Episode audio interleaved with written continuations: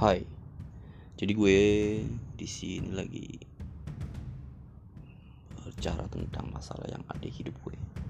Jadi gue akan uh, share pengalaman gue selama bermusik di Jakarta dan gue akan membagikan kalian tips-tips untuk bermusik di industri ini.